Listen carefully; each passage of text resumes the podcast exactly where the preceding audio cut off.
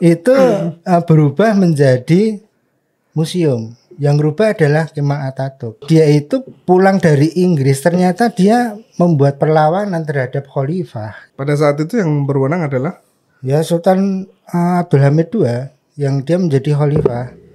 Kemudian dia pulang membentuk namanya Partai Turki Muda.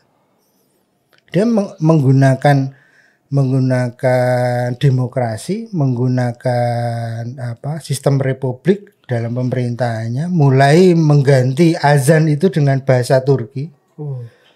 Mulai wanita-wanita yang ada di sekolahan-sekolahan madrasah-madrasah tidak diperbolehkan untuk menggunakan kerudungnya. Uh.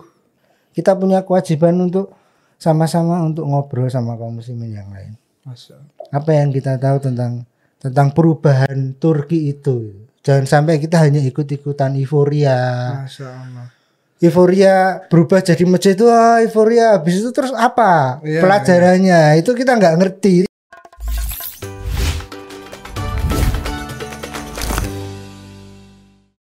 Sedihnya sekarang ngomong sedih karena sudah sudah sampai pada eh, titik di mana kemudian munculnya nama Mustafa Kemal yang di, ada ada ada gelarnya di belakangnya itu Atatürk atau bapaknya Turki. Oh. Kenapa dikasih nama gelar itu? Nah, karena eh, menurut sejarah ya, menurut sejarah demokrasi yang kemudian diusung oleh eh, Mustafa Kemal dan antek-anteknya bahwa mereka eh, adalah pembaharu. gitu. Jadi dulu itu eh, Kemal Atatürk itu sebetulnya pasukannya kaum muslimin. Dia termasuk kalau sekarang itu eh, istilahnya menteri kemaritiman gitu loh. Waduh. Benar serius. itu Amirul Jihad bagian kemaritiman. Tolong dikoreksi ya bagi penonton yang nonton nanti silakan dikoreksi di komen ya. Kemudian lanjut ya. Nah, terus eh apa? eh, dia itu di dikirimkan belajar ke Inggris. Ya. Si Kemal ini. Ya. Ya. Yang namanya belajar ke ke luar negeri ya. Itu mempelajari hal-hal yang sifatnya universal. Tidak mempelajari hal-hal yang sifatnya akidah. Ya. Tidak diperbolehkan. Setidaknya universal tapi berdasar akidah gitu, tapi nggak dapatkan di luar gitu ya Pak. Ya, jadi kita diperbolehkan untuk belajar hal-hal yang sifatnya umum dari luar negeri itu hal-hal yang sifatnya antum alamu bi umuri dunyakum. Itu kan ceritanya eh, ada ada petani dialog sama Rasulullah. Ya. Ceritanya tentang bagaimana Oh, cara orang Arab Badui itu. menyuburkan kurma kalau nggak salah. ya. Terus Rasulullah menyampaikan antum alamu bi umuri dunyakum gitu. Karena pendapatnya Rasulullah kenapa nggak nggak alamiah saja gitu loh, nggak usah dikawinin apa. Terus eh, Arab Badui yang ahli pertanian itu menyampaikan argumennya kan dan argumennya itu sangat sangat keilmuan pertanian gitu loh. Iya, iya. Wah ini kalau nggak dibantu bisa nanti antara kromosom. Wah, oh, ini istilah-istilah Iya, ya mungkin loh pada saat itu. Akhirnya Rasulullah menyampaikan antum alamu bi, rum- bi umuri dunyakum. Kamu lebih mengetahui urusan duniamu. Duniamu yang dimaksudkan itu hal-hal yang sifatnya universal. Bukan ngomongin yang dataran akidah atau way. Kalau dataran akidah atau way nggak bisa diutak-utik lagi yang diboleh diutak oleh kita itu kita belajar matematika universal umum ya kita Betul, belajar arsitek ya gimana cara ngitung kita belajar sama orang barat boleh nggak boleh. Boleh. kita belajar belajar geografi, teknologi teknologi. geografi kita belajar perfilman boleh nggak Boleh, boleh. Boleh yang nggak boleh itu eh, ada perfilmannya mereka yang kalau bikin film harus ada esek-eseknya misalnya Eh, harus ada adegan-adegan yang- yang, yang merusak gitu ya, memunculkan naluri ya naluri now Oh, ya, iya. atau naluri tertarik dengan lawan jenis sehingga muncul coba lihat film Bollywoad itu tidak ada satupun film Hollywood itu yang tidak ada wanita cantiknya kadang-kadang begitu jadi kadang-kadang acting jadi Apalagi film. Korea gitu. Nah. Tahun 1934 Mas Lukman Iya, Pak. itu uh, berubah menjadi museum. Yang berubah adalah Kemal Atatürk. Karena dia, Kenapa dia ngerubah? jadi begini, dia itu pulang dari Inggris ternyata dia membuat perlawanan terhadap khalifah gitu. Pada saat itu yang berwenang adalah Ya Sultan uh, Abdul Hamid II yang dia menjadi khalifah. Kemudian dia pulang membentuk namanya Partai Turki Muda.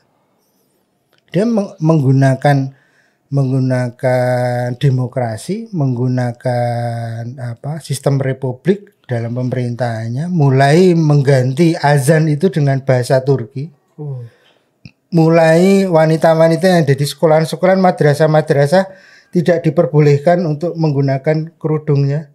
Uh. Saya nonton itu film dokumenternya, film uh, ada dokumenter hitam putih ada. Nangis malu man. Nangis malu. Sedih, wes. Itu ke- kejadian yang luar biasa yang pada saat itu ngerubah segalanya. ya. Kemudian itu Masjid Hagia Sophia berubah jadi museum sampai kemarin alhamdulillah ya. Kemudian yang menyebabkan jadi trending ah, hari ini nih. Tanggal 24 Juni tahun 2020 ya pemerintahan Turki berubah lagi menjadi masjid. Karena itu memang konstitusinya harusnya belajar eh, mengembalikan itu. Karena apa? Karena kalau tidak kesalahan yang dilakukan Kemal Atatürk itu akan berlanjut terus. Iya, iya. Perlu ngomongin Dan karena itu juga dari awal karena sudah dibeli tadi ya Pak. Kemudian diwakafkan menjadi Nah masjid iya ya. kan nggak ada alasan apa-apa. Iya, Eh, Nyalai konstitusi kan. Benar, Ketika dia memerintah kemudian berubah menjadi museum. Perlu dibahas nggak eh, Kemal Atatürk nggak diterima bumi? Perlu juga, Oh. Pak. perlu juga. Jadi ngeri pembahasannya jadi ngeri. Oke, tapi sebelum itu Pak Andika, ini juga sesuatu yang menarik nih karena kalau nggak salah beberapa tahun dua atau tiga tahun yang lalu atau beberapa tahun yang lalu kan sempat juga viral di Hagia Sophia ini subuhan berjamaah dalam kondisi masih jadi museum benar nggak sih itu Pak Andika? Tapi di luar tuh kayaknya nggak nggak di dalam ininya nggak di dalam museum tapi di luar itu. Nah kalau di luar mungkin iya ya. Hmm. Tapi saya malah belum pernah dengar itu. Oh. Ya. Kalau kalau di luar eh, museum itu mungkin bisa jadi Iya, iya, ya, di- karena di luar memang museum ke- itu. keinginan kaum muslimin yang ada Mungkin di Turki sebagai rindu, sebagai ya. bentuk ini juga sebagai bentuk kerinduan betul akan apa namanya kekhilafahan Islam gitu ya Pak. betul betul. Dan eh, kaum muslimin sekarang eh, banyak sekali yang eh, belum memahami ya, bahwa eh, kekhilafan Islam itu bagian dari ajaran Islam. Dan itu nut ya, nut buat kita bahwa ada semacam pemahaman yang yang kita masih lepas. Dan itu eh, akibat awalnya dari kurikulum yang ada di Indonesia ini. Hmm. ketika awal-awal eh, the founding father mendirikan wah ya jadi radikal ya tapi radik. Radik itu mengakar mas. Mengakar, jadi kalau berislam itu harus mengakar. Ya, kafah. lo bener. Tahu nggak yang namanya pohon kurma Iya. itu kalau nanam pohon kurma gimana caranya? Enggak tahu saya, Pak. itu biji itu ditindihin batu mas Lukman. Iya. deng batunya oleh gede mbaknya biji nih kemudian akarnya itu sampai tumbuh ke bawah. Bener-bener menghunjam kemudian ditindihin lagi batu. Jadi dia nggak nongol-nongol batang batangnya nggak nongol-nongol.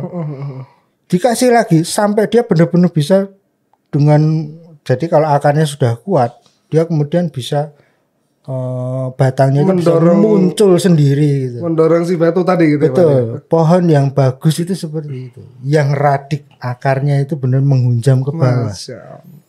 Sekarang kita Filsufnya dapat Iya, juga Pak. kalau kita ngomongin eh, radikal raoleh itu kan nggak nggak diterima di ini loh di akal kita. Iya. Karena Jadi, mereka piye? radikal itu stigmanya adalah ya begitu. Ya. Eh, kembali kamu Mustafa Oh, iya, Atatürk oke, oke. radikal. Kembali ke Hagia Sophia. Ya, iya, Sophia.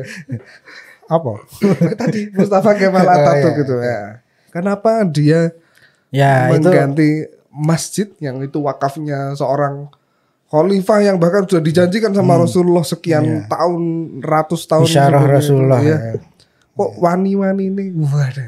Ya itu karena pemahaman sekali lagi. Jadi orang Islam eh, mau se- kayak apa ya itu tergantung dari akalnya, dari akalnya. Kalau akalnya itu jalan, pemahamannya jalan, kemudian dia bisa apa mengkaitkan antara fakta dengan maklumat atau informasi kemudian dia bisa menjalankan pemikiran Islamnya dengan benar. Maka insya Allah dia ti- tidak akan ada sedikit pun ya ketika dia mampu membuktikan bahwa Allah itu memang ada. Ya. Al-Quran itu memang benar Rasulullah itu benar-benar sebagai utusan Allah. Maka dia nggak akan kemudian rantingnya. Kan ada pohon ada batang ada ranting Iya. ada buah. Yang diharapkan kalau pohon kurma itu apanya mas? Ah, Buahnya. buahnya. Coba pohon kurma kok kemudian tidak berbuah kurma. Ah ditegur. Nah, ya enggak Iya, iya. makanya ketika ada ranting yaitu sistem-sistem Islam yang begitu luar biasa dan buah-buah yang memang itu harus dijalankan oleh kaum muslimin maka dijalankan. Kadang-kadang itu kita tuh berat karena kita bacain dalil bacain Al-Quran. Wah berat. Ya ayyuhalladzina amanu kutiba alaikumul qital. Huh, ngeri. Sing sing didelok meng ngerine tok. Ora njuk cari tahu kenapa Allah memerintahkan kita kemudian ada lagi. Azaniatu wazani fajlidu kulla wa ahidim min humamiyata jalda ya. Pezina wati dan pezinawan. Maka uh, deralah masing-masing di antara keduanya 100 kali dera. Di sini mengeri tok nggak nggak pengen tahu caranya. Kenapa Allah menurunkan ayat ini? Gimana? Asbabul nuzulnya apa betul. gitu kan. kenapa ini diperintahkan untuk manusia? Ini kan fajlidu itu kan perintah untuk semua. Ya semua kaum muslimin. Kita nggak bisa menjalankan itu kan? Ya. Padahal kalau kita tahu termasuk yang di al-maidah. Wasariku wasarikotu faktau aidiyahuma. Ini kan? Laki-laki yang mencuri dan perempuan yang mencuri maka potonglah tangan itu kan kita cuma ngeliat "Wih, ngeri makanya wes gak usah Islam bae lah ngeri wong ini nah itu berarti Opo-opo pateni, opo-opo diketok. Oh. Padahal kita tahu bahwa sebelum ada sistem ini, ukubat ini, maka ekonominya harus jalan dulu. Ya. Ekonomi harus jalan dulu. Misalnya apa? Hak atas anak untuk pendidikan gratis, Betul. sekolah gratis. Ya. Kemudian eh, kebutuhan pokok di dipenuhi oleh khalifah. Ya, Anak-anak yatim Anak-anak yang disantuni. dan terlantar dipelihara oleh Dipelihara negara. negara. Oh, itu udah Oh, udah malah. Ada ya. Tapi kenyataannya Ah, enggak ya, di- nah, maka yang terjadi begitu. Jadi kita tidak mencoba mencari tahu kenapa Allah memerintahkan itu. Ternyata semuanya dijalanin dulu baru kemudian ukubannya dijalanin. Iya, iya. Maka ketika ada ada kejadian di mana di mana di masa saya kurang kurang saya lupa ya kekhalifahan siapa. Kalau nggak salah di kekhalifahan Umar bin Khattab. Itu ada seorang bapak dan seorang anak yang dia mencuri gandum di desa sebelah. Hmm. karena mencuri gandumnya itu melebihi seperempat dinar. Kalau mencuri lebih dari seperempat dinar itu potong tangan mas. Jadi kalau kurang dari seperempat dinar itu nggak dipotong tangan seperempat dinar itu sekitar satu gram emas satu gram emas itu sekarang sangat tuh saya mas runta tuh emas tuh podo Sudah. oh sudah alhamdulillah sudah apa mas Nah, maka ketika kurang dari seperempat dinar dia tidak dipotong tangan, Mas Lukman. Nah, ketika eh, orang-orang pada nangkep karena ketangkep itu bapak sama anaknya. Oh, Hap, lalu wo, di- lalu ditangkap. Terus di mau dipotong tangan tuh. Wose wose wose. Eh, bawa ke khalifah kan. Yang bener kan itu, bawa ke khalifah.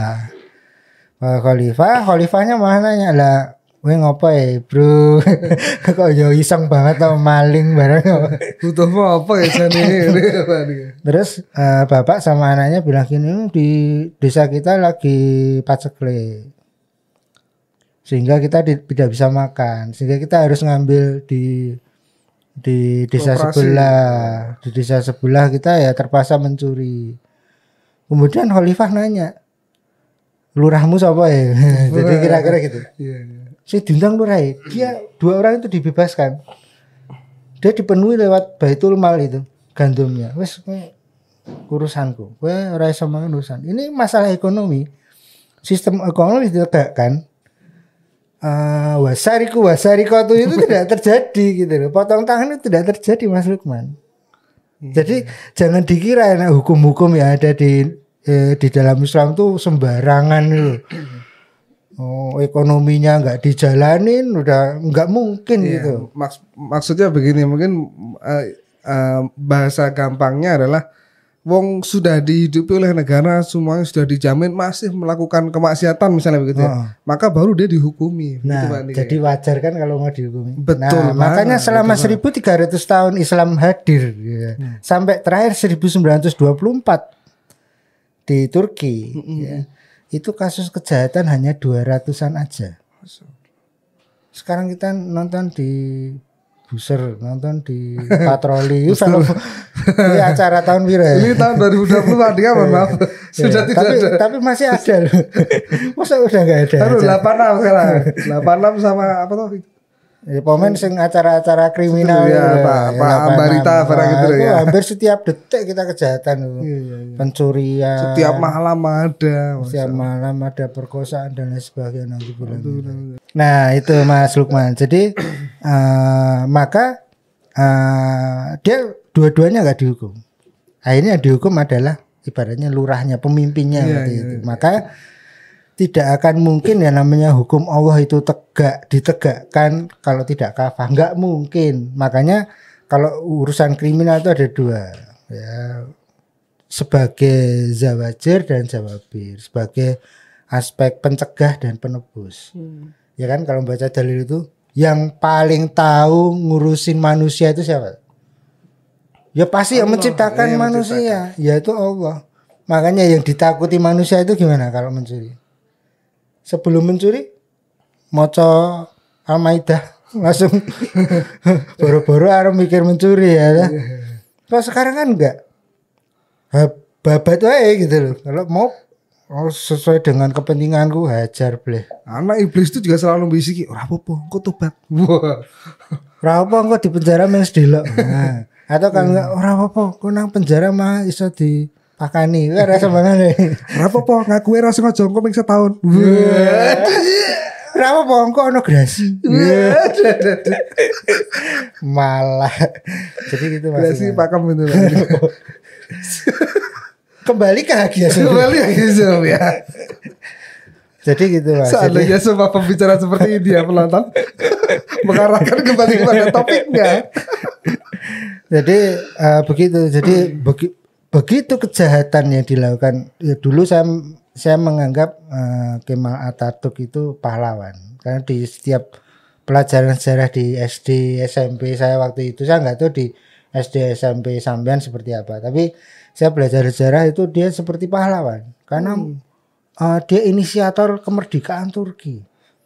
Setelah saya tahu bahwa dia ternyata yang meng- menghabisi sistem Islam dengan Al-Quran dan As-Sunnahnya itu.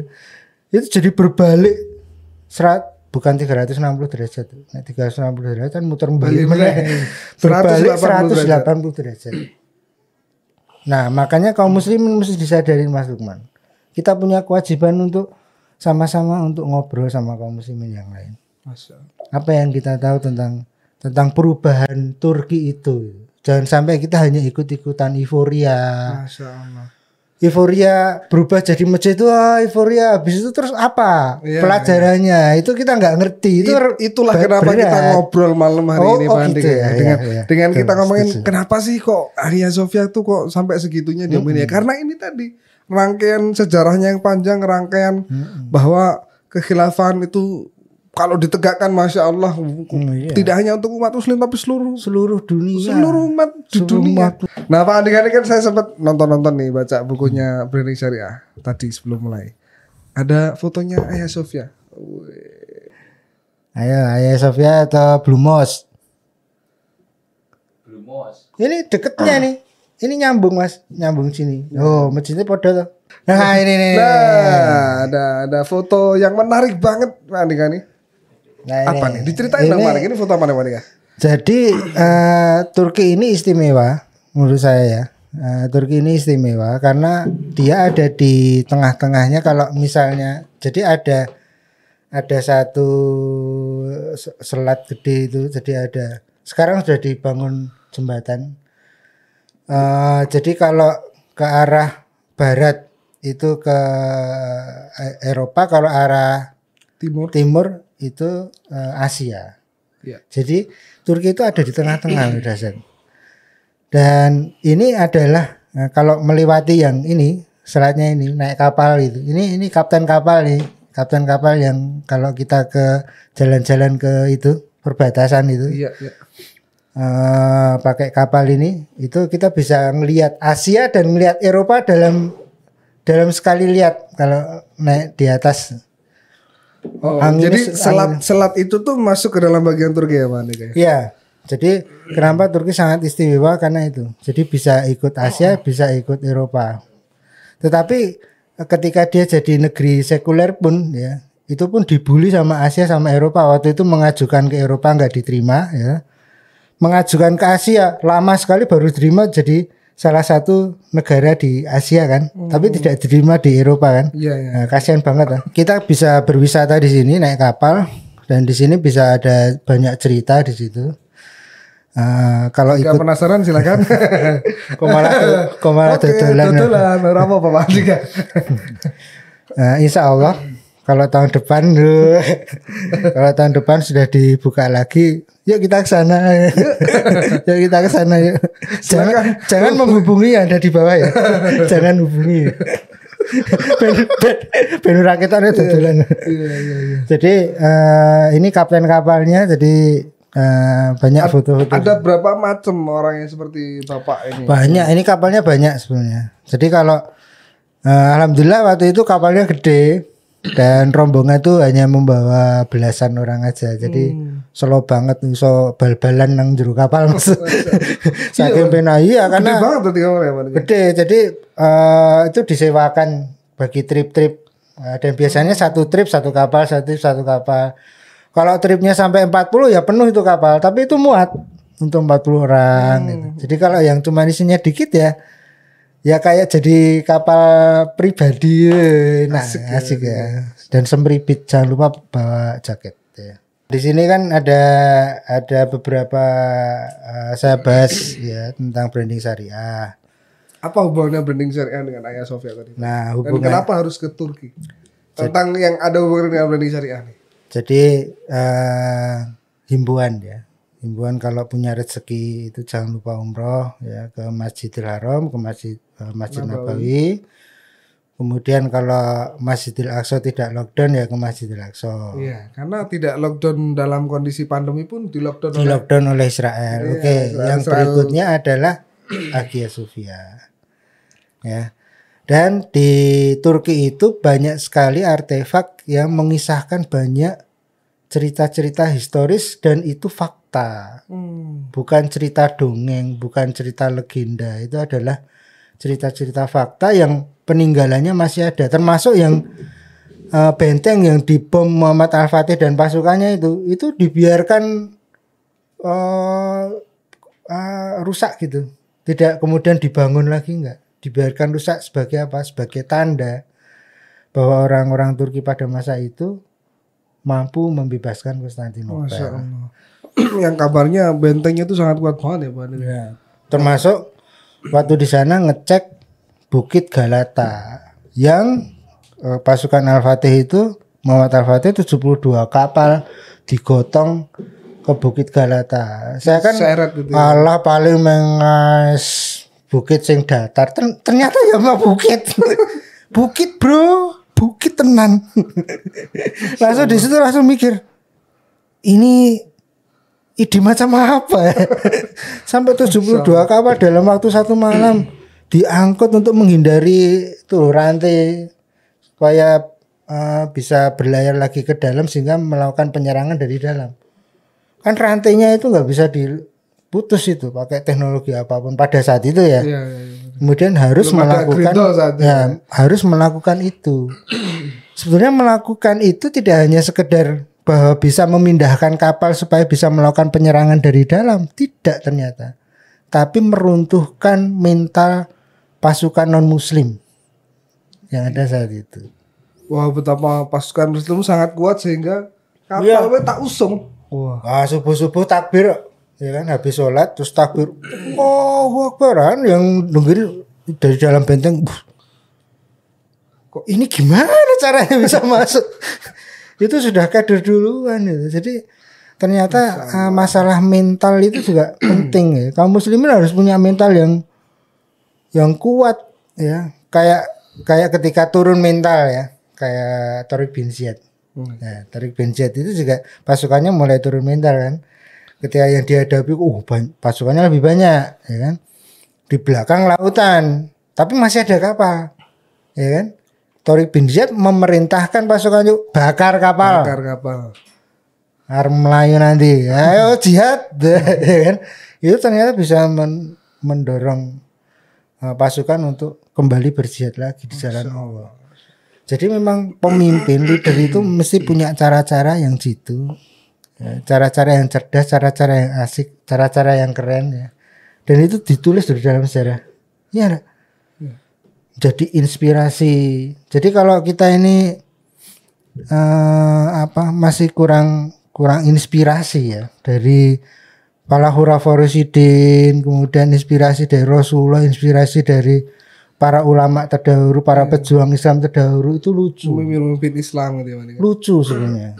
Kok kita kemudian jadi sekarang jadi umat yang loyo ya. Ya ini koreksi buat saya sendiri. Perlu ya. dipertanyakan tuh referensinya ke mana Pak? Iya. Selama ini apa yang Butuh motivator malah dari luar negeri ya toh. Butuh apa lagi? Eh, pengen pengen berislam kafah malah eh, kuliahnya di sama orang-orang non muslim misalnya. Ini mengerikan. Makanya eh, di branding syariah ini ada fundamental eh, branding juga yang hubungannya sama bagaimana seorang muslim itu punya fondasi branding. Jadi bagi pengusaha-pengusaha yang eh, pengen belajar branding eh, ah, nggak harus nggak harus beli, nggak harus beli ini, tapi dibaca. Ah. Iya. Cuman masalahnya kalau mau baca harus beli ya silahkan, mau minjem juga boleh. Iya, iya. Silahkan. Dan ini jadi salah satu bukti itu yang tadi kita obrolin Pak Andika bahwa dari tiga dimensi yang diobrolin di awal tadi ini ini termasuk dimensi yang ketiga tentang bisnis tentang apa membranding bisnis kita gitu ya Pak Andika. Itu tuh ternyata diatur juga dalam Islam dan maklumatnya banyak dalam Islam. Betul. Makin asik lagi nih bicaranya ini. Insya Allah kita lanjutkan di podcast berikutnya Pak Andika. Wah siap, itu panjang, Ya, panjang kali lebar kali tinggi saya. Kalau teman-teman semuanya penasaran gimana silahkan komen sebanyak-banyaknya di bawah. Ajak teman-teman yang lain untuk nonton juga. Jangan lupa like, share, dan subscribe. Lucu-lucu. ah ini ada pertanyaan yang menarik nih Pak Andika. Tanya Tats. Apakah ke- keikutsertaan Turki Ottoman dalam Perang Dunia Satu juga atas inisiatif si Kamal itu? Perang dunia. Apa? Iya.